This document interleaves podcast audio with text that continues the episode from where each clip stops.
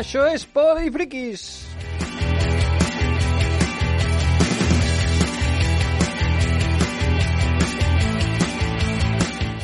Benvingudes, benvinguts un cop més a aquest programa de Ràdio Sant Cugat en un dia molt especial per nosaltres, pels polifriquis de, que, que fem aquest programa, perquè avui, com sabeu, és 25 de maig, dia de l'orgull friqui, i el dia en què pues, reivindiquem totes aquestes coses que parlem cada setmana en el Podifriquis, com és eh, la fantasia, la ciència-ficció, eh, els còmics, els jocs de taula, els jocs de rol... Eh, tot això que tan orgullosos i orgulloses estem eh, de, de ser-ne fans i, i de, de, de, de practicar-ho i de, de compartir-ho amb els nostres amics i amigues, tot això avui és el dia que se celebra. De manera que, què millor dia que avui per fer un programa especial de, de Polifriquis i per fer-ho eh, comptem amb, amb, amb els habituals del programa, aquí als estudis de Ràdio Sant Cugat.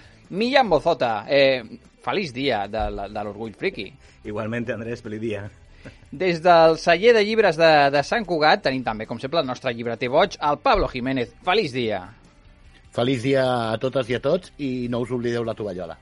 Ah, correcte, correcte, en parlarem d'això també. Des de la llunyana i, i poblada de, de ratpenats eh, Osca, eh, tenim el nostre estimat Marc Travé. Molt bon dia de l'orgull. Friqui, estàs orgullós? Jo sempre, i molt bon dia per vosaltres i per tots i totes les oients. I el control tècnic, el, el nostre estimat també, Pablo del Canto, molt bones, que també és bastant friqui, encara que està calladet, però, però també està molt orgullós. El veig orgullós i amb molt d'orgull també, eh, qui us parla, l'Andrés Palomino. Avui compartirem unes quantes coses. Jo crec que farem una mica un programa una miqueta diferent del, de l'habitual i, si us sembla, abans de res, estaria bé comentar una miqueta eh, el, el, el fet de la data. Per què aquesta data tan especial? Ja sabeu, eh, segurament, eh, cada cop és, al final és, és, és més coneguda, no? Eh, vull dir que el, el Dia de l'Orgull Friki ja està establert des de, des de fa eh, uns quants anys, no és una, una, una, una celebració eh, eh, molt, molt, molt antiga, és, és molt recent eh, i ho reivindiquem des de fa relativament poc, però ara es pot veure que té un cert impacte fins i tot als, als mitjans més, més tradicionals. Ara que eh, els, els temes que tant ens agraden ja s'ha convertit una miqueta en mainstream, ara que les pel·lícules de superherois ho peten, que la, El Senyor dels Anells eh, l'ha llegit eh, moltíssima gent, que Harry Potter resulta que és referent per moltíssimes generacions, potser estem en, en el màxim moment d'esplendor, de, de, de, de, de l'orgull eh, friqui. Eh, això què? Com ho veieu? Que sí, que tens tota raó, que avui en dia és un d'aquests moments en els que la reivindicació de l'orgull friqui probablement tingui poc sentit, en el sentit de que moltes de les aficions que, que ens distingim gent que fa uns anys era allò, diu, ah, és que són friquis. Avui en dia és un... Però si tu també les mires i les llegeixes. Sí, sí, és veritat. Aquesta cosa de que reivindicar de, de que era una cosa com aïllada i només per grupuscles molt petits, realment és el que comentem cada, cada setmana amb el, amb el Polifriquis que aquestes aficions arriben a moltíssima gent, eh, compartim aquestes aficions eh, moltes persones i cada cop eh, som, som més. Eh, els friquis eh, conquerirem el món, no, Millán? Sí, a mí una cosa de las que más me gustan de los últimos años, sobre todo y cada vez más, es que también se está aprovechando este día para mostrar lo diversa que es nuestra afición, Mm. ¿no? Que no es una cosa solo de eh, jóvenes o ya no tan jóvenes, eh, varones heterosexuales, que era como la imagen del friki de los, de los años 80 ¿no? y de los años 90, sino que hay toda clase de personas, hay por supuesto muchísimas mujeres que siempre las ha habido además y que lo único que pues, igual ha estado un poco invisibilizadas y hay personas con todas las orientaciones sexuales y hay personas de otras minorías y de otros grupos sociales que normalmente no identificamos con la, con la imagen clásica del friki. Estamos, creo que hay que reivindicar eso, que frikis somos todos y todas y también los que dicen, no, es que friki es una palabra ofensiva, esos también. Doncs molt bé, sí, sí. A, a, aquest orgull friqui és també l'orgull de, de la diversitat i de les moltes eh, sortides i camins que té el món de, del friquisme, eh, cadascú amb lo seu i entusiasta de, de, de lo seu. Eh, comentem una miqueta algunes de les coses per què es va triar eh, aquesta, aquesta data. Eh, recordem que avui eh, també pues, se celebra eh, l'estrena de, de Star Wars. Eh, recordareu, el, un 25 de maig de 1977 es va estrenar Star Wars en aquell moment, després eh, la, la, la coneixeríem també com l'episodi 4, Una nova esperança, eh, d'aquella gran saga galàctica de, de George Lucas, I mira, la data de, de l'Orgull Friki pues, coincideix també amb aquesta gran estrena, però no és l'única l'única l'única efemèride que celebrem en aquest dia, perquè també abans, Pablo, estaves comentant precisament el tema del dia de la, de, de la tovallola, eh, i de què va això? D'on ve això de la tovallola? Que molts friquis i moltes friquis avui lluïm tovallola i, i fem a la conya aquesta de, eh, de portar la tovallola. Què, què vol dir això? Bueno, de fet, al celler de llibres hem fet un aparador especial Dia de l'Orgull Friki, que durarà tota la setmana, i hem posat una tovallola, evidentment. D'on ve això? Això ve de que hi ha un autor, Douglas Adams, eh, que va escriure un llibre basat en un serial de ràdio que havia fet ell, que era la Guia de l'autoestopista galàctico. Uh, això era un llibre que barrejava la ciència-ficció amb l'humor, Uh -huh. amb un humor a més àcid i molt punyent, i amb el qual, amb aquest llibre, hi ha dos elements que es recorden molt. El primer és que eh, el número 42 és l'explicació al sentit de l'univers i tot el més, i que l'element més útil de l'univers és la tovallola, Mhm. perquè tant la pots fer servir per tapar-te com per estirar-te en una platja d'un planeta llunyà, com per tapar-te si tens fred eh, amb, un, amb un planeta gelat, com per fer-te ombra amb un planeta desèrtic, és a dir, és, és l'element més, més útil de tot l'univers, la tovallola. I en homenatge a això, eh, arran de la mort de Douglas Adams l'any 2001, que va morir a principis de maig, doncs el dia 25 de maig els seguidors d'Adams van decidir sortir amb una tovallola al carrer. Uh -huh. I a partir d'aquí s'ha convertit doncs, una mica en un paradigma del, de lo que s'anomena friki, però bueno, que com deia el Millán, tothom és friki d'una cosa o d'una altra, no? Sí, sí. I, I mira, ha quedat així. Sí, sí, al final eh, també és, és potser una, una, una celebració menys coneguda que l'estrena de, de Star Wars, però també de, cada cop s'està popularitzant més eh, entre doncs, molts entorns eh, polifriquis. Com també, també coincideix amb altres moltes efemèrides, eh? també em sembla que també coincideix amb l'estrena de, de Alien, de manera que eh, encara, mira, són moltes coses que celebrem avui, però sobretot el que comentàvem que en- entre un, tots... es un mes de, de estrenos, mes de grandes blockbusters. Exacte, sí, sí. Però sobretot eh, celebrem la, la diversitat i l'orgull de eh, compartir totes aquestes coses que ens agraden i que ens fan eh, polifriquis. Així que avui eh, volíem, precisament, fer una repassada potser no a les grans novetats, ni, ni com fem habitualment, ni comentar allò, els trailers de l'última novetat, o l'última pel·lícula, l'última sèrie, l'últim llibre, sinó una mica, posar-nos una mica nostàlgics i, i, i, i emotius i compartir amb, amb l'audiència totes aquelles coses que més ens han agradat i que ens han marcat com a, com a friquis que som, aquest eh, equip de, de polifriquis, i ho farem allò també com fem habitualment, eh? anant amb, amb les nostres accions eh, habituals. I com sempre, eh, el, el polifriqui d'on neix? Dels llibres. Anem cap allà, als llibres.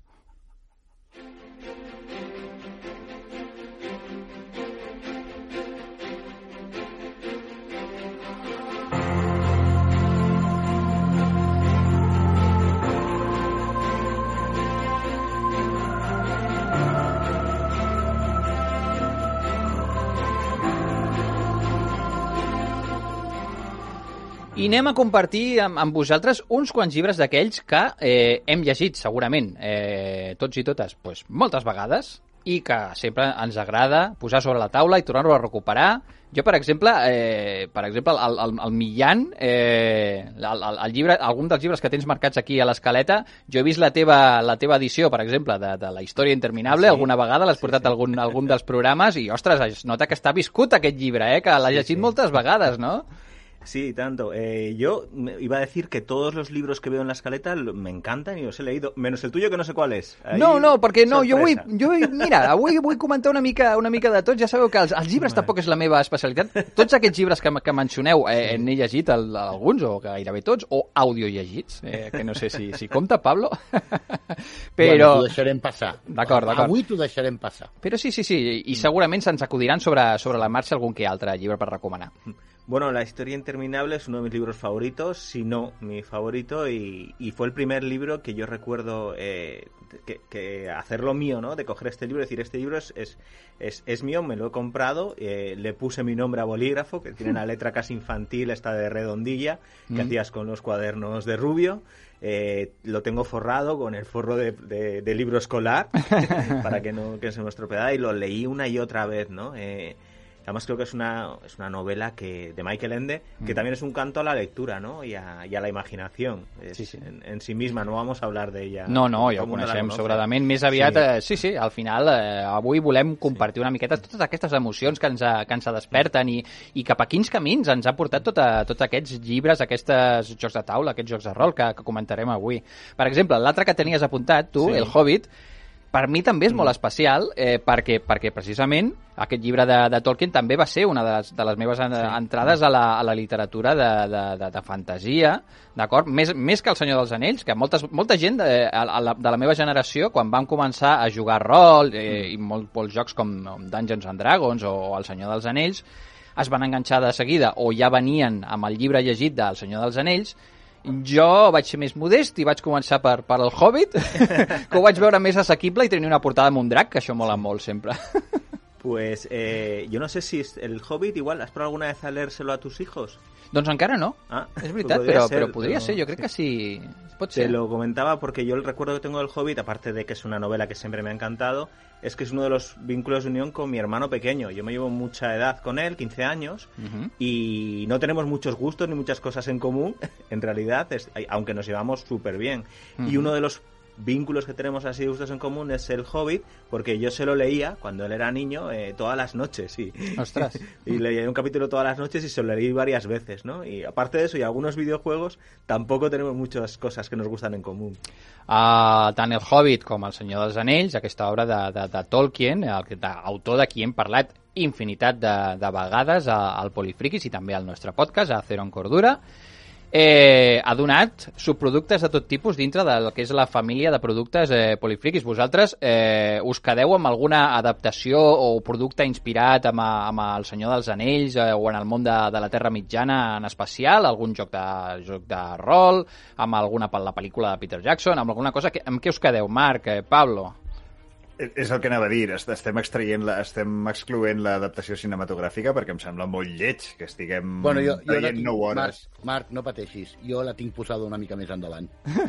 No, no, no, jo no estic parlant de l'adaptació d'altres pel·lícules, estic parlant de l'adaptació cinematogràfica del Hobbit, que és el que estàvem Ah, preguntant. no, no, no, jo aquesta l'esborro. Fora, no ha passat mai. Jo, si n'hagués de triar una, eh, probablement, és que no és exactament del Hobbit, però, però hi ha diversos jocs ambientats que surten personatges que apareixen al Hobbit, com pugui ser la Guerra de l'Anillo o del joc que va publicar De Vir, de Francesco Nepitello, Mm. probablement seria amb el que em quedaria, però és que del Hobbit específicament mm, Bueno, hi ha menys estem parlant de, del Hobbit o de la Terra Mitjana o de, de, de, de Tolkien, en concret? Yo os voy a dejar un poco con el culo torcido igual y voy a decir Willow. Oh! Pues mira, no, no és mala idea, eh? És veritat, no, no, és- no, no és mala... En realitat, És allò sí, de dir, no, no puc pagar els drets de Tolkien, m'invento una història similar i la veritat és que la trobo, la trobo meravellosa, Willow, com a pel·lícula. home, sí, és d'aquelles coses d'estar fent trampa per evitar exactament la pregunta, però, però sí. Sí, és, és, no, és, no és el primer exemple de- d'això en, en pel·lícules, és com el cas pe- de, del que va passar amb, amb Nosferatu i els drets de Dràcula, no, sí, sí, Marc? Correcte. que, que em sembla que en vas, en n'hem parlat alguna vegada d'això. Sí, algu- alguna vegada n'hem parlat i sí, hi ha, sempre que hi ha alguna cosa d'aquestes amb noms de marca blanca que clarament veus que fan referència a un producte però no acostumen a tenir el nom o alguna cosa, Mm. Sol, sol tenir al darrere alguna cosa, de, alguna part de no vull repartir els meus beneficis pagant els drets de... Sí, però, però a Murnau no li va servir de gaire, eh, el de canviar-li el nom al... El van denunciar al igual, vampir. No, no, no, va, va pagar igual, eh, pobre. Vull Una cosa és que tu ho intentis i l'altra cosa és que ho facis suficientment bé com perquè no et toqui pagar. Molt bé. Jo crec que Dràcula també, segurament la novel·la de Bram Stoker també és un dels nostres llibres eh, preferits de capçalera i del que ha comptat també amb més adaptacions i més influència tant això, tant a, a pel·lícules, a sèries, a, a jocs de taula, eh, també, déu nhi Dràcula també és un producte molt i molt polifriqui, no creieu? Sí, sí, sí, Sí. completament d'acord. Molt bé. Eh, més cosetes. Eh, Marc, eh, qui, qui, quin llibre poses sobre la taula de, de, de, de, de, dels teus que més, eh, més, més et fan polifriqui o més t'han fet sentir polifriqui? Doncs eh, un dels que...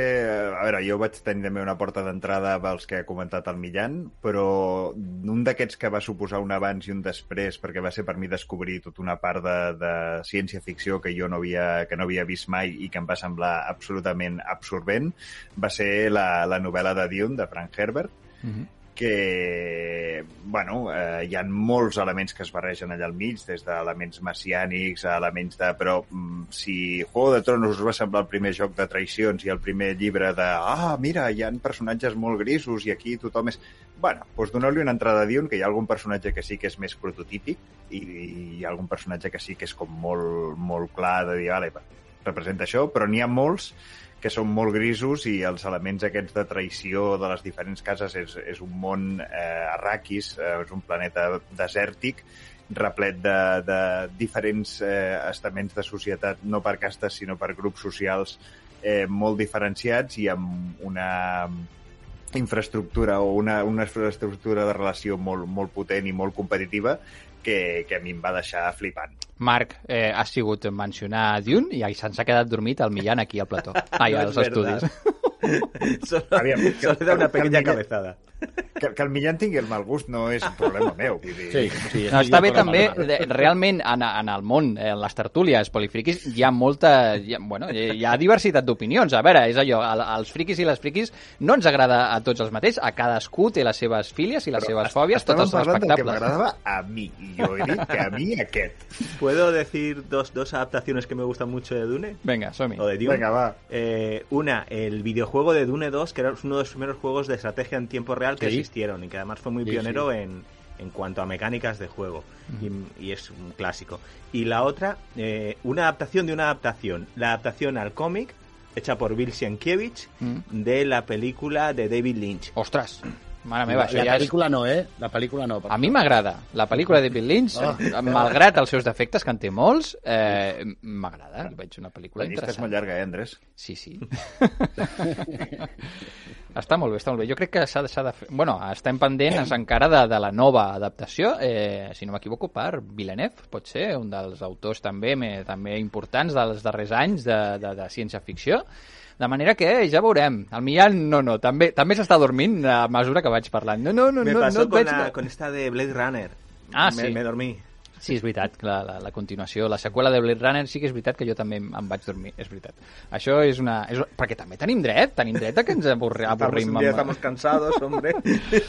Molt bé, Pablo, el nostre llibreter boig, eh, a veure, eh, tu ens recomanes tot sovint llibres, però hi ha alguns que estan al teu cor especialment, no?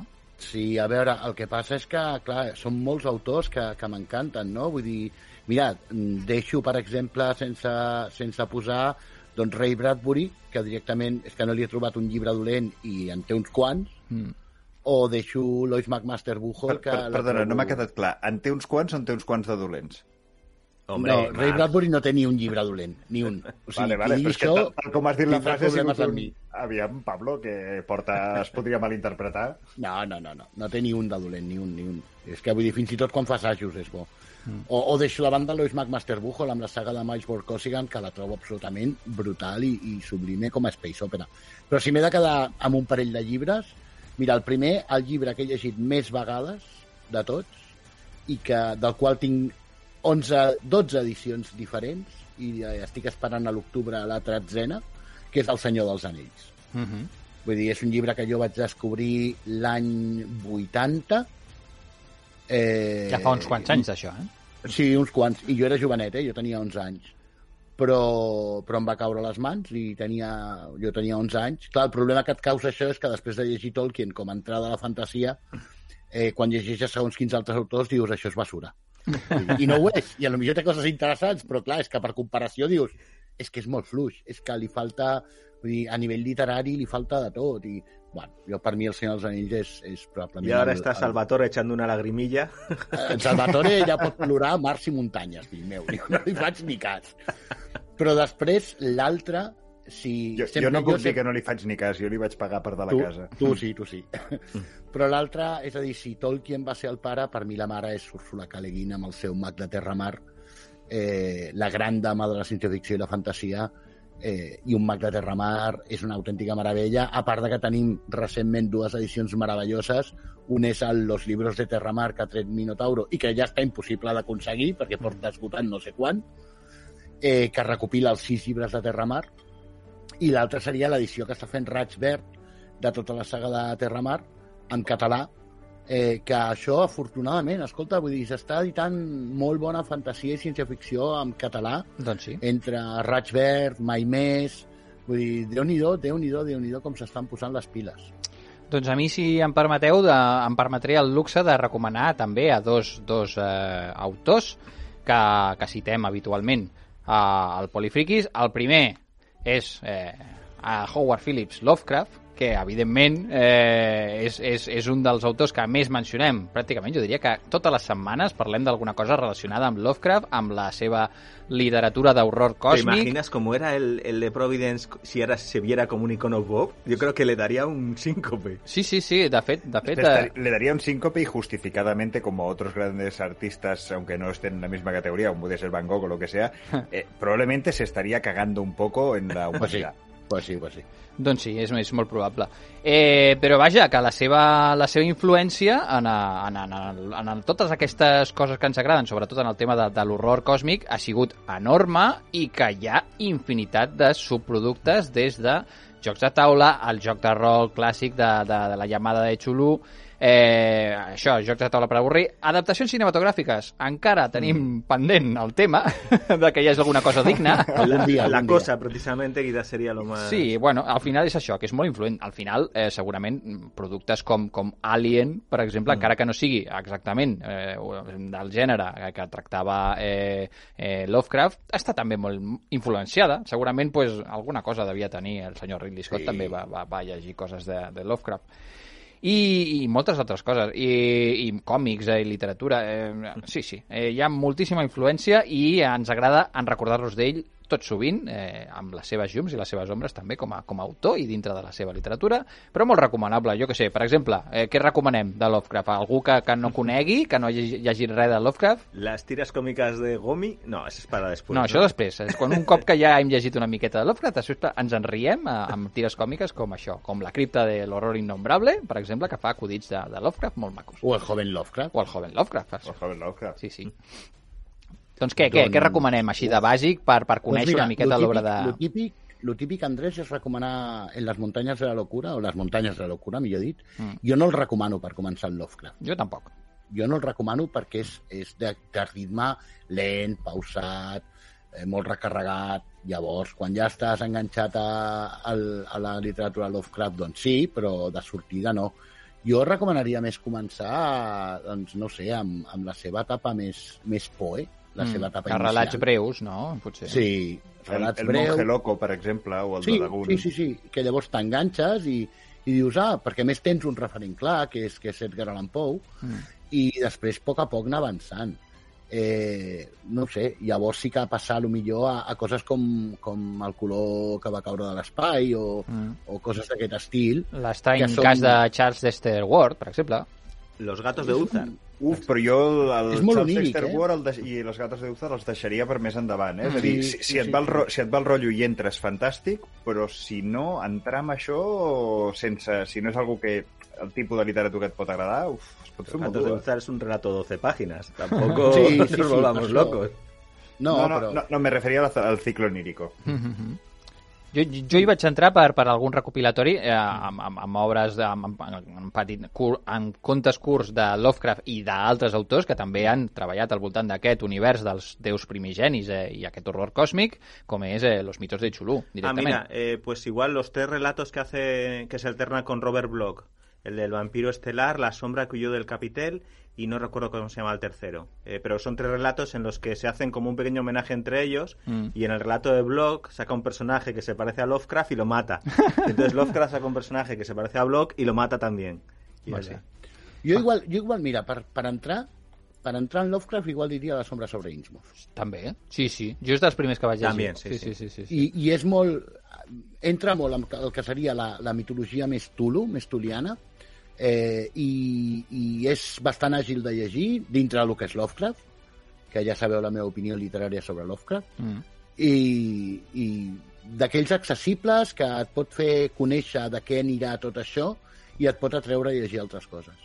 Molt bé, i també volia fer referència a un altre autor eh, que també eh, fem referència tot sovint en aquest programa, eh, que és eh, Terry Pratchett. Terry Pratchett, que Gran, també ens va gran. deixar fa uns anys, i que ja sabeu que té totes aquestes sèries de llibres ambientats en el món del Dismont, eh, amb aquest món que, que es, es desplaça per l'univers a, a lloms d'una tortuga gegant que va per l'univers i és un disc, no? És un disc pla amb unes catarates als límits, eh, eh, suportat per quatre, quatre elefants, no? si no m'equivoco. Sí, sí, sí. Doncs en aquest món eh, passen les, totes les, les moltíssimes històries de, de Pratchett, que ja sabeu que té un origen bastant, bastant paròdic del món de la fantasia, des del propi eh, Tolkien, per exemple, eh, i altres tipus de referents fantàstics i pulp. I des d'aquesta paròdia eh, obre moltíssims camins amb diferents eh, sagues i personatges i desenvolupa més enllà de l'humor, que és fantàstic, de, de Pratchett i dels seus acudits i la seva habilitat amb, amb el llenguatge, eh, desenvolupa històries molt humanes i molt interessants i moltes reflexions interessants. No sé, a vosaltres amb què us, us quedaríeu per recomanar una miqueta per descobrir Pratchett? Pues, Mira, jo com, com a anècdota, ah, eh, Andrés, et diria que, que a la llibreria acabem de canviar l'ordre, tenim tota la, la, tota la sèrie del Dismont, normalment a la llibreria, i ahir precisament vaig canviar l'ordre amb els quals els tenia. Els tenia per ordre de publicació i ho he canviat per eh, ubicar-ho per les diferents sagues que composen el Dismont. Mm -hmm. eh, jo em quedo per arrencar o amb la saga de l'amor o amb la saga dels guàrdies, mm -hmm. perquè són molt, molt identificables. Després, pues, bueno, evidentment, la saga de les bruixes també és magnífica i en una època en la qual no es parlava de feminisme, les obres de Pratchett sobre les bruixes, déu nhi Es va avançar, donen, eh? sí, sí, precisament amb el títol amb Equal Rights, amb aquest joc mm -hmm. de mhm. paraules, els ritos, ritos iguales, no? ja avançava en molts temes de, de feminisme que ara mateix ens sembla molt, molt normal i molt habitual de parlar, però que no, no, no sempre han estat sobre la taula tots aquests, tots aquests temes. Molt bé, i doncs precisament jo crec que la gent, ja ho hem dit moltes vegades, la gent de l'editorial eh, Mai Més, que, que ara estan començant a publicar eh, Pratchett en català, està molt bé la tria que han fet així d'inici amb aquestes sagues perquè no han anat a l'ordre cronològic, eh, és el que hem comentat abans. Ara han tret, van treure primer Guàrdies, Guàrdies i, i l'altre, que no me recordo com es diu, és, rit, uh, és aquest Ritos justament, iguales, rit, bueno, que no sé com està, igualtat, com està traduït. Igual, igualtat de ritus. Rites. Ritus. Igualtat de ritus. I, i, I ara mateix eh, deies de la saga de mort com a sí. entrada i acaben de publicar eh, en català eh, Mort, eh, tot allò, amb, amb unes il·lustracions a part fantàstiques. Morth. Morth. Morth. No, mort. Morth. Morth. Això, que a més la, ja, ja sabeu que la, la, la mort eh, parla en majúscules a l'obra de, de Pratchett. Doncs, doncs també és una molt bona entrada si voleu descobrir a Pratchett en català, ara, així que mm. fantàstic, amb una edició fantàstica i una traducció boníssima. Així que, molt bé, doncs, déu nhi la de llibres que tenim sobre la taula. Ens deixem, ja sabeu, si voleu eh, doncs saber més coses de les que ens, ens influencien a, eh, amb els polifriquis, eh, repasseu eh, programes antics d'aquest programa, perquè cada setmana recuperem eh, els nostres classes preferits, però bueno, hem repassat un, uns quants llibres. I a més de llibres, ja sabeu que sempre, al Polifriquis, també parlem de, de coses en dibuixets, o allò que en diem còmics. Anem a parlar de còmics.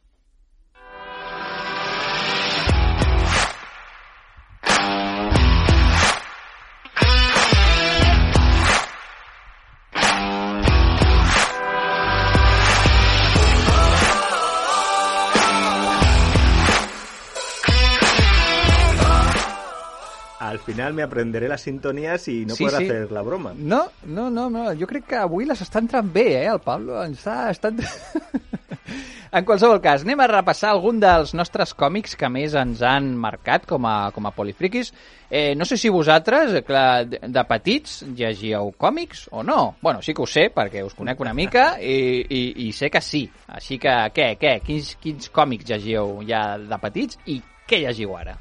A veure, Andrés, jo el primer que t'he de dir és que no és que de petit llegis còmics, és que en tinc 51 anys, camí de 52 i continuo llegint còmics i no ho deixo. És a dir, de portar, doncs, jo què sé, doncs 46, 47 anys llegint còmics. Mm -hmm. Vull dir, perquè van ser potser les meves primeres lectures. Mm -hmm.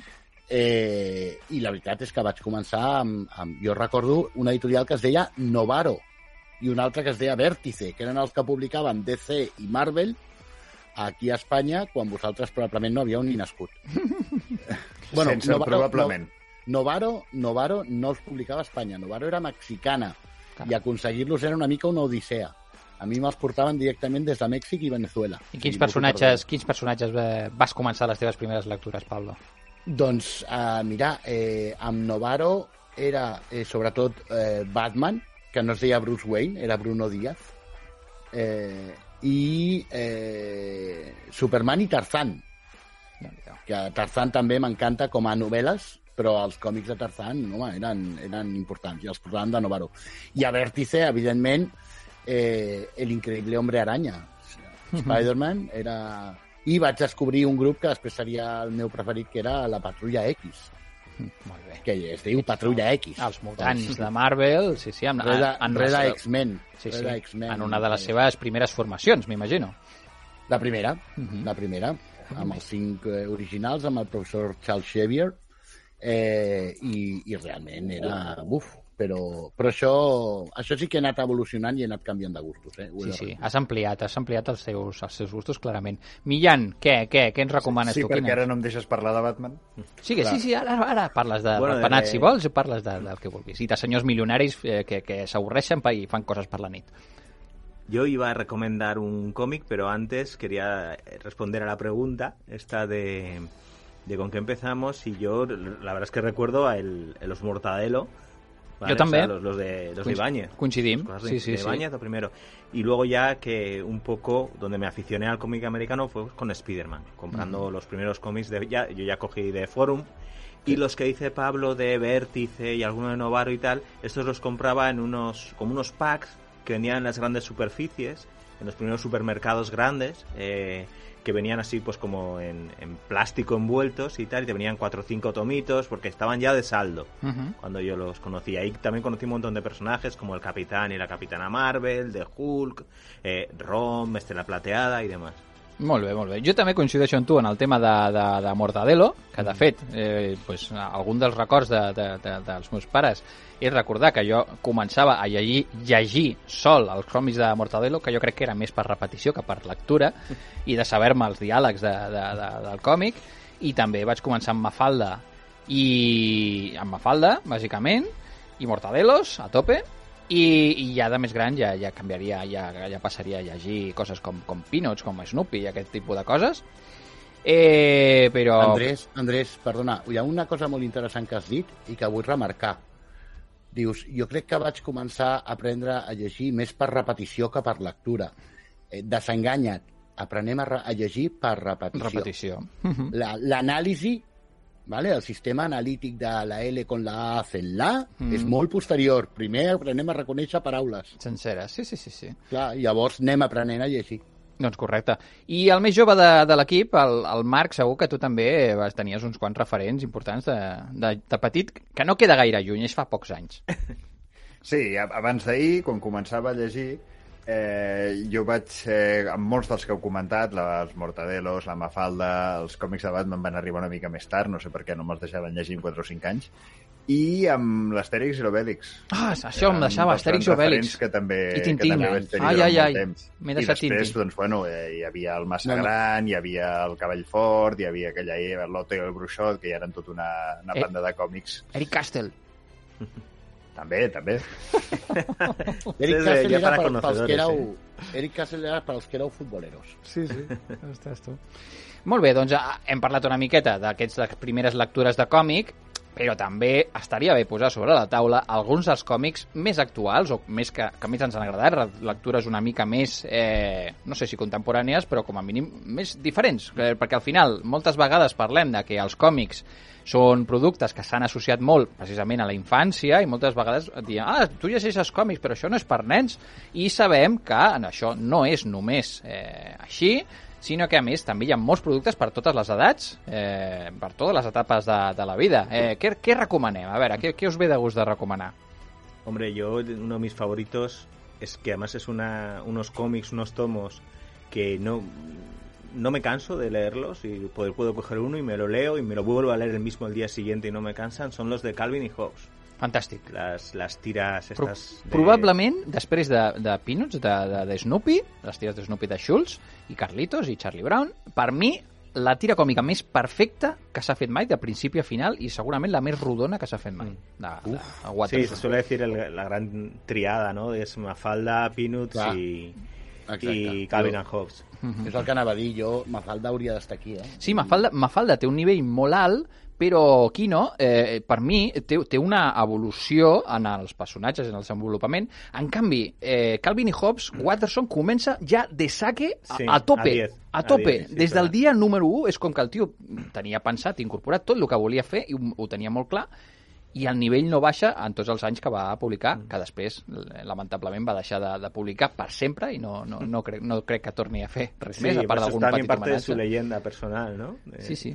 Ya está, ya lo he hecho, ya, està. no voy a hacer ja he fet la millor del món, per, per què he de fer res més? Ja està. Molt bé. Eh, Marc, eh, què, què, ens recomanes tu? Um, còmic? Còmic, estem a còmic, sí. Escolta, Jo no has sentit la sintonia, si us plau. Me'n vaig molt de, me'n vaig molt de, de l'infantil ara ja i me'n vaig a parlar d'un còmic que comparteixo amb en Pablo al, al gust, que és Sandman. El millor còmic que s'ha fet mai. No sé si el millor còmic o com a mínim una de les, la, la millor garapa perquè de tota la, de tota la saga, que són diversos, diversos volums, eh, almenys hi ha una grapa amb eh, una reproducció de l'obra de teatre del somni d'una nit d'estiu de William Shakespeare amb personatges reals i personatges eh, fantàstics, que és una absoluta delícia però l'obra en general a mi em sembla meravellosa. Eh, és un dels còmics que, per sort, encara no han adaptat i que quan adaptin doncs, ja ens ho mirarem amb, amb una miqueta de, de calma. Estan en ello, eh, Marc? Ja, Ho ja, sé, ho queda sé, poc, i- ja queda poc i- per la sèrie.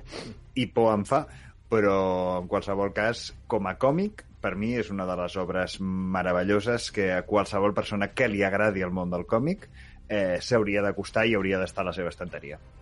Jo odio molt, odio molt ECC pel que estan fent amb Sandman. Molt. Per què? Per, per Perquè- què treuen massa, la- massa edicions? No, és que és això, és que acaben de treure una edició, comencen a descatalogar-la i treuen una altra edició, amb la qual cosa tinc una pila de clients que no poden completar la saga. Mm -hmm. Bueno, aviam, també et diré que mm, això no és algo que estiguin fent només amb Sandman. Ja, ja, ja ho sé, ho estan fent amb diverses obres i, i em sembla una política absolutament nefasta. Doncs sí, doncs amb aquesta reivindicació. Eh, jo també, eh, si em permeteu, estaria bé de que mencionéssim alguna cosa de, de còmic japonès, de manga, eh, i em permetré el luxe de recomanar un dels meus còmics preferits, eh, d'Akira Toriyama, que no és Dragon Ball, que sí que m'agrada molt i que tenia tota la sèrie de, de, de còmics de, de, de, la, de la col·lecció blanca i la co- col·lecció vermella quan, quan van aparèixer en català, a més aquí, eh, als anys eh, 80, finals dels 80, sinó la sèrie prèvia, que aquí a Catalunya va, mar va marcar moltíssim i, i sobretot per l'adaptació en anime que va estrenar a TV3 que és Doctor Slump, una sèrie sí. molt, molt, molt, molt, molt recuperable, amb un, humor, un sentit de l'humor que jo crec que ens ha marcat a, a la gent de la meva generació moltíssim, des de la part escatològica, sexual, eh, absurda, o, o de coses totalment eh, surrealistes, de coses que poden passar. Jo me'n recordo que vaig, eh, quan, quan teníem eh, com 10 anys, ens vam disfressar tota la classe de, de, de, de la, del poble, de la vila del Pingüí, i cadascú era un dels personatges de- de- i allò ens va marcar moltíssim. No sé por Es qué que- pensé que ibas a decir Nemo in Slumberland, pero bueno. No, no, també m'agrada molt, eh? També a Nemo, però és una altra cosa. Per mi, a, a, el meu sentit de l'humor, jo crec que està marcat per Mortadelo, per Mafalda, i molt, molt, molt pel Doctor Slum, per l'Arale i les caques i el Supronamant eh, i totes les històries que ens explicaven delirants i que estan molt recuperables i per mi er- és una obra molt més arriscada que no pas eh, eh, Bola de Drac, Dragon Ball, de, de Toriyama, i és, que, és que, de fet, Andrés, jo Dragon Ball distingeixo dos períodes molt clar, i és la primera temporada de Dragon Ball, Mm, és molt proper a Doctor Slump, Sí. amb aquest sentit de l'humor i tal, i de cop es transforma en una mena de, de manga de bèsties pardes De lluites. liant-se a cops Sí. de puny i desapareix l'humor, o, o gairebé desapareix l'humor, i mm. no ho sé, jo preferia molt més aquella primera temporada de, de Dragon Ball. El que, el que es diu moltes vegades és que Toriyama eh, Dragon Ball ho va, ho va eh, desenvolupar més com una cosa alimentícia i una cosa Sí. com un, pràcticament un encàrrec amb la que es va forrar, evidentment, amb el gran èxit, que no pas una cosa que li, li causés estima. Vull dir que eh, segurament té moltes més obres que ell s'estimava molt més i que s'ho passava molt, mi, molt millor que no, pas, que no pas Dragon Ball, tot i que no es pot negar la influència de Bola de Drac i de Son Goku i companyia en, en, en, la, en, en el nostre entorn polifriqui i que van aconseguir doncs, això, que, que la cultura japonesa i que a través del manga arribés a, cap aquí, cap al nostre país. Mm -hmm. Molt bé, i doncs, doncs jo crec que amb això eh, ja, ja podem anar tancant, tot i que ja sabeu eh, que, que, que, cada setmana recomanem un, un munt de còmics, i molts d'ells de Batman, però com que avui no tenim temps, Marc, ho sento, no podem parlar de Batman, de còmics de Batman, potser podem parlar a la següent secció, que és la secció de sèries i de cinema.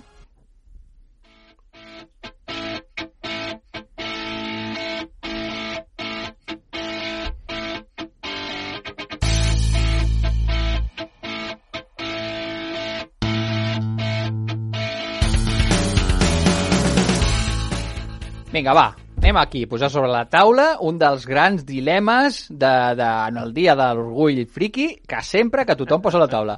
Ai, i tu i què ets més, de Star Wars o de Star Trek? Això ho diu la, la nostra audiència, sol posar aquesta veu. Ai, vosaltres què sou més, de Star Trek o de Star Wars? Eh, això, Andrés, això és... no, Andrés, et recordo que ets tu qui li fot la bronca al Millán quan posa veuetes a l'audiència. No, no. Eh, aquest dilema, això què? És, és, és com antic, no? O què? Què, què opineu vosaltres? Sí, ahora ya hay como una, más una nueva rama, ya que es que ya es súper pedante, que dice, no, a mí lo que más me gusta es Battlestar Galactica, porque es mucho más profunda. Bueno, això coincideixo totalment. Molt millor Battlestar Galàctica que Star ja, Wars però no, no ha sigut... És que no, no, no està amb la dicotomia. No està amb la dicotomia. O sigui, ha de ser Star Wars o Star Trek. Mm -hmm. Sí, sí, Haver de triar, centremos, per què? Per què vull? I, per què i, de de triar? tota manera, I de tota manera no entrarem en un debat estèril, a més a més tremendament equivocat, perquè els que han decidit posar-se amb el mode agressiu i han demostrat quina és la seva catadura han sigut aquí el Millán i l'Andrés. Sí, sí, sí, seguim, seguim parlant de Star Wars i Star Trek i responent a la pregunta que ha fet el nostre Excels presentador, encara que de tant en tant no de- decideixin no demostrar les seves dots, eh, jo trio Star Wars. Però sí, mm, consumeixo les dues amb total tranquil·litat. Lo que pasa es que Star Trek nos parece que es sobre todo un producto televisivo. Clar, mucho más. evidentment, evidentment, Star sí, Trek és. neix a la televisió, Star Wars neix al cinema, hi ha moltes diferències. En qualsevol cas, eh, amb dues són bons el que passa exemples... És que un, un ha fet molts diners i s'ha quedat als dos ambients i l'altre no. I, I no ho dic com a crítica, eh? Dic, però so socialment Star Wars ha fet molts diners i ara fa unes sèries molt, molt, Bueno, molt canyeres, muy buenas series que están temporades. en Sí. producción de Star Trek ahora mismo. També, que tienen també hi ha bones sèries de Star Trek, sí, sí, sí, és veritat. No, Eh, no, no dic que no, però vull dir que una està a les dues bandes i l'altra s'ha quedat més en l'ambient de, les, de les sèries amb molta qualitat, com estàveu dient. també hi ha bones pel·lícules de Star Trek, s'han de dir. Alguna, alguna. Alguna, sí, Millán, sí, alguna n'hi ha. En qualsevol cas, jo volia també posar-ho sobre la taula perquè al final també aquestes dues grans franquícies també eh, són un exemple de, del que després s'ha convertit eh, una mica, eh, pues, pues això, el món, el món polifriqui, perquè de Star Wars ja ja sabem que George Lucas eh, eh, no va cobrar pràcticament de, dels drets de, de l'estudi, sinó que es va reservar eh, en el contracte amb, amb la productora eh, els drets pels ninos, per, per, per, per tot el que seria el merchandising. I a partir d'aquí eh, va tenir tant d'èxit la pel·lícula i va ser tan intel·ligent George Lucas que es van desenvolupar un munt de joguines que van ser com pioners eh, en aquest sentit, en el tema del merchandising, de que hi hagués ninos perquè, perquè els nens i les nenes poguessin comprar tot tipus de personatges de les pel·lícules. I com que no hi havia competència perquè cap altra pel·lícula tenia un merchandising d'aquest estil, van triomfar per Nadal, eh, ho van patar moltíssim i això ha desenvolupat en tot tipus de productes, eh, a tots els formats, eh, des de jocs, des de eh, ninos, des de noves pel·lícules, noves sèries, eh, disfresses, parcs temàtics, de tot. Eh, I jo crec que aquest és una mica el referent. Després, Star Trek també ha tingut moltíssim merchandising, una mica de tot, De però... hecho, Star Trek está en el origen de lo que llamamos cosplay, de las primeras personas que fueron disfrazadas a convenciones de ciencia ficción Sí. y eran disfrazados de la tripulación de la, de la Enterprise. Sí, sí, el, els, els que ens se'n deien o trekkies o trekkers, no? Eh, depenent de- d'aquí, però sí que és veritat que són dues, dues comunitats de, de fans que han marcat molt el que seria després la militància de, de, del fandom, de, de, del friquisme, no? En plan de, ostres, doncs mira, jo sí, si a mi m'agrada una, una determinada saga o una determinada franquícia, doncs mira, em, disfrasso, tinc els ninos, tinc les pel·lícules, tinc els llibres, les adaptacions, els còmics i tot, i allò em converteix en un fan allò, allò, una mica la figura aquesta que recomana en els seus còmics super referencials a tot el món friki, el Cels Pinyol, no? en tot el seu món del, del fan hunter, no? De- d'aquest consumidor de, de, de cultura alternativa i d'oci alternatiu. No creieu? Sí, Sí, sí, tant, sí, sí. completament d'acord. És que no, no, és que no hi ha discussió. Vull dir, és així. Més, eh, més sagues que han marcat també... Home, en... jo, jo d'aquestes, abans de començar, eh, fa, fa uns anys jo recordo que tenia un, un jefe, que en el, un cap que a, la- a la part d'enginyers i tal ens deia friquis pel món dels còmics, pel món de les pel·lícules, pel món que deia "És que us agraden unes coses raríssimes, no sé què tal, i després acabava les reunions dient salut i prosperitat. I, llarga vida i prosperitat. I era un... vale, ja, ja, en algun moment tindrem una conversa. Sí, també a- aquest, aquest joc de les referències també eh, forma part també de la, de la cultura polifriqui. Al final de dir frases que l'altra persona que tens davant identificarà o no d'on venen, si ho ha dit un personatge d'una sèrie, d'un llibre eh, o d'un còmic, eh, amb això també juguem molt. I aquesta cosa d'identificar-se en que l'altre està eh, reconeixent el referent que li estàs tirant tu, no? Això també és molt, molt polifriqui. Se acerca el invierno. Sí, sí, sí, sí, jo soy tu padre, Millán. Eh, en qualsevol cas, més, més sagues i franquícies que ens agraden de recuperar avui, eh, Polifriquis. Millán, eh, Pues mira, yo diría muchas, ¿eh? pero si voy a decir una porque me gustan, siempre he sido como muy, muy fan y me gusta mucho todo el universo, la ambientación y siempre eh, he buscado guiones, juegos de rol que eran imposibles de encontrar, juegos de mesa, que es el mundo de, de las películas de Alien y Aliens. Y sé que hay algunas otras después, pero bueno, no son tan buenas. Pero bueno, algunas son, son recuperables también. Pero sobre todo esas dos originales de Ridley Scott y de eh, James Cameron, que son Alien y, y Aliens, que son dos peliculones de ciencia ficción, uno de terror, el otro más de acción así militar, ¿no? Eh, que, que tienen ese mundo de futurista, pero a la vez sucio, con, con las corporaciones, con los, las colonias espaciales, con todo así como un toque como muy realista y, y muy chungo, ¿no? Todo lo que te pasa en el espacio es como, como malo. sí, sí. Y, y siempre me ha gustado muchísimo. I aquesta cosa, almenys, la, els diferents plantejaments, la primera de no ensenyar el monstre, que això és una cosa que també ha marcat a molts, molt, molt cinema de gènere, i la segona de tirar la- l'Alien, no?, més cap a la cacera d'Aliens, aquí, vinga, anem a, anem a fer una cosa més eh, diferent, no?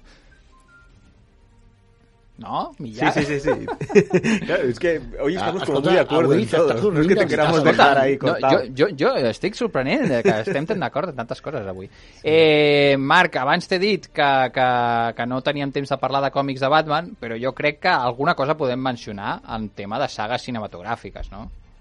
Home, jo en tema de sagues cinematogràfiques i en tema d'adaptacions eh, de, a, del món del còmic al món de la pel·lícula, jo sí que si estem amb sagues eh, reivindico eh, la biologia, perdó, trilogia de, de Christopher Nolan, eh, que és la, la de la trilogia de Batman, que comença amb el Batman Begins, amb el The Dark Knight, i bueno, també hi ha el Dark Knight Rises, eh, que, que per mi és una de les, és una de les adaptacions d'un personatge del món del còmic a, a, la, a la pel·lícula, a la, a la pantalla, que han tingut una, no només una molt bona acollida, sinó que realment estan prou acurades, documentades, allò d'agafar i dir, oi que hi ha en aquell moment 70 anys d'història del còmic, de, del personatge, doncs anem a agafar diferents moments i els diferents moments que realment valen la pena i els aprofitem per, per combinar-los en, un, en un guió prou, prou adaptat. Jo, personalment, eh, tot aquell que li pugui agradar mínimament el personatge, eh, l'animo a que la vegi i els que no hagueu llegit cap còmic de més, i però us agradin les pel·lícules de superherois i tal, potser no són tan optimistes com l'univers Marvel, eh, potser els dilemes o els mètodes no són tan, tan, tan bonics, encara que Marvel últimament cada cop més va incorporant personatges cada cop amb tons més grisos al mig. Mm. Eh, a mi em sembla una pel·lícula de, de, dins del gènere de superherois i d'acció eh, prou, prou ben feta.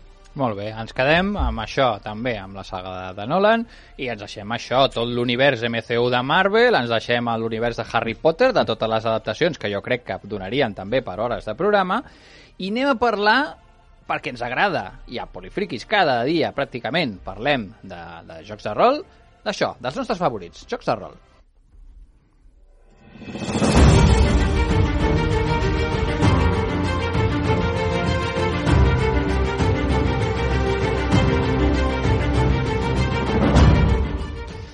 Pablo, jo sé que hi ha un joc, bueno, que, que me l'has explicat mil vegades, que jo, si t'he si he de ser sincer, no hi he jugat mai, però que forma part de la teva vida, pràcticament. Bueno, sí, aviam, és un joc de rol que, que a, mi personalment m'agrada molt, eh, que entenc que no és plat de tothom, perquè, bueno, jo l'he jugat sempre des d'un punt de vista potser molt historicista i, i que jo el trobo magnífic, mm, que és Ars Magica. El sistema és, potser ha envellit malament, però és un joc al qual he jugat, doncs, pràcticament, mira, quatre de les cinc edicions que ha tingut, perquè la primera era quasi fotocòpies. I, i Ars Magica és un joc que s'ambienta en una edat mitjana amb la qual el, les llegendes de l'edat mitjana són reals i, i els protagonistes són mags. Uh -huh. I la veritat, bàsicament em, em va enamorar perquè el seu sistema de màgia és un sistema gramatical, és un sistema de... és a partir de les paraules. Potser per influència d'aquest uh, un mag de Terramar Sí. d'Úrsula K. Le Guin I que després va afusellar salvatgement el senyor Rothfuss sense acabar la seva obra però el va afusellar el nom del vent, no? el fet de, de que les paraules tenen poder i, i no sé, és, és un joc que jo el porto molt a dins, a part de que va ser la meva entrada dintre del que seria treballar amb editorials de, de jocs de rol i, i, bueno, i va ser el que em va fer conèixer la meva dona. O sigui que... Mm, ja et dic, sí, sí, està molt vinculat a la teva vida. A- Ars Magica, Sí, sí, sí. i segur que, que ho seguirà sent durant molts anys, un, un, un joc importantíssim, vaja. Mm. Sí, sí, és així. Molt bé. Eh, Marc, amb quin joc te quedaries tu? Eh, és una pregunta molt complicada. Si només me n'hagués de cada un per ambientació, segurament seria el joc de la llamada de Tulu. Coincideixo? O, o millor, el que Rastro de Chulo. em passa, em passa el mateix que, que diu el Pablo, no? El sistema ha envellit malament. Avui en dia hi ha sistemes molt, molt millors que, que permeten tant jugar-lo des d'una vessant més d'aventures, si volem una cosa molt lleugera, com si volem una cosa més d'immersió, de terror. Eh, hi ha sistemes normatius que l'han superat. El Pepe Pedrat n'hem parlat més d'una vegada, té, té algunes idees prou, prou potents al respecte. I personalment, perquè és un dels jocs amb els que vaig eh, començar a, a recuperar a fons la, la relació amb el, amb el Pablo i, i bueno, recuperar el contacte, eh, començar la relació seriosa que tenim, que tenim avui en dia, eh, probablement estaria a mig camí entre Ars Magica i La leyenda de los cinco anillos. Sí, En- també un, un gran joc. Ens queden molts pocs minuts, ens queda per fer titulars, bàsicament, avui. Millan, a veure, no sabem què pots recomanar tu de jocs de rol. Bueno, no sé. eh, Yo iba a decir la llamada de Tulu también, que es uno de mis juegos favoritos. Bueno, también Savage Worlds. Vale, sí, Vinga, también. home, no podem deixar Yeah. de mencionar... Home, amiga, cada cop que Millan diu Savage Worlds a Polifriki, no dices xupito. Savage Worlds y te caneamos, vamos.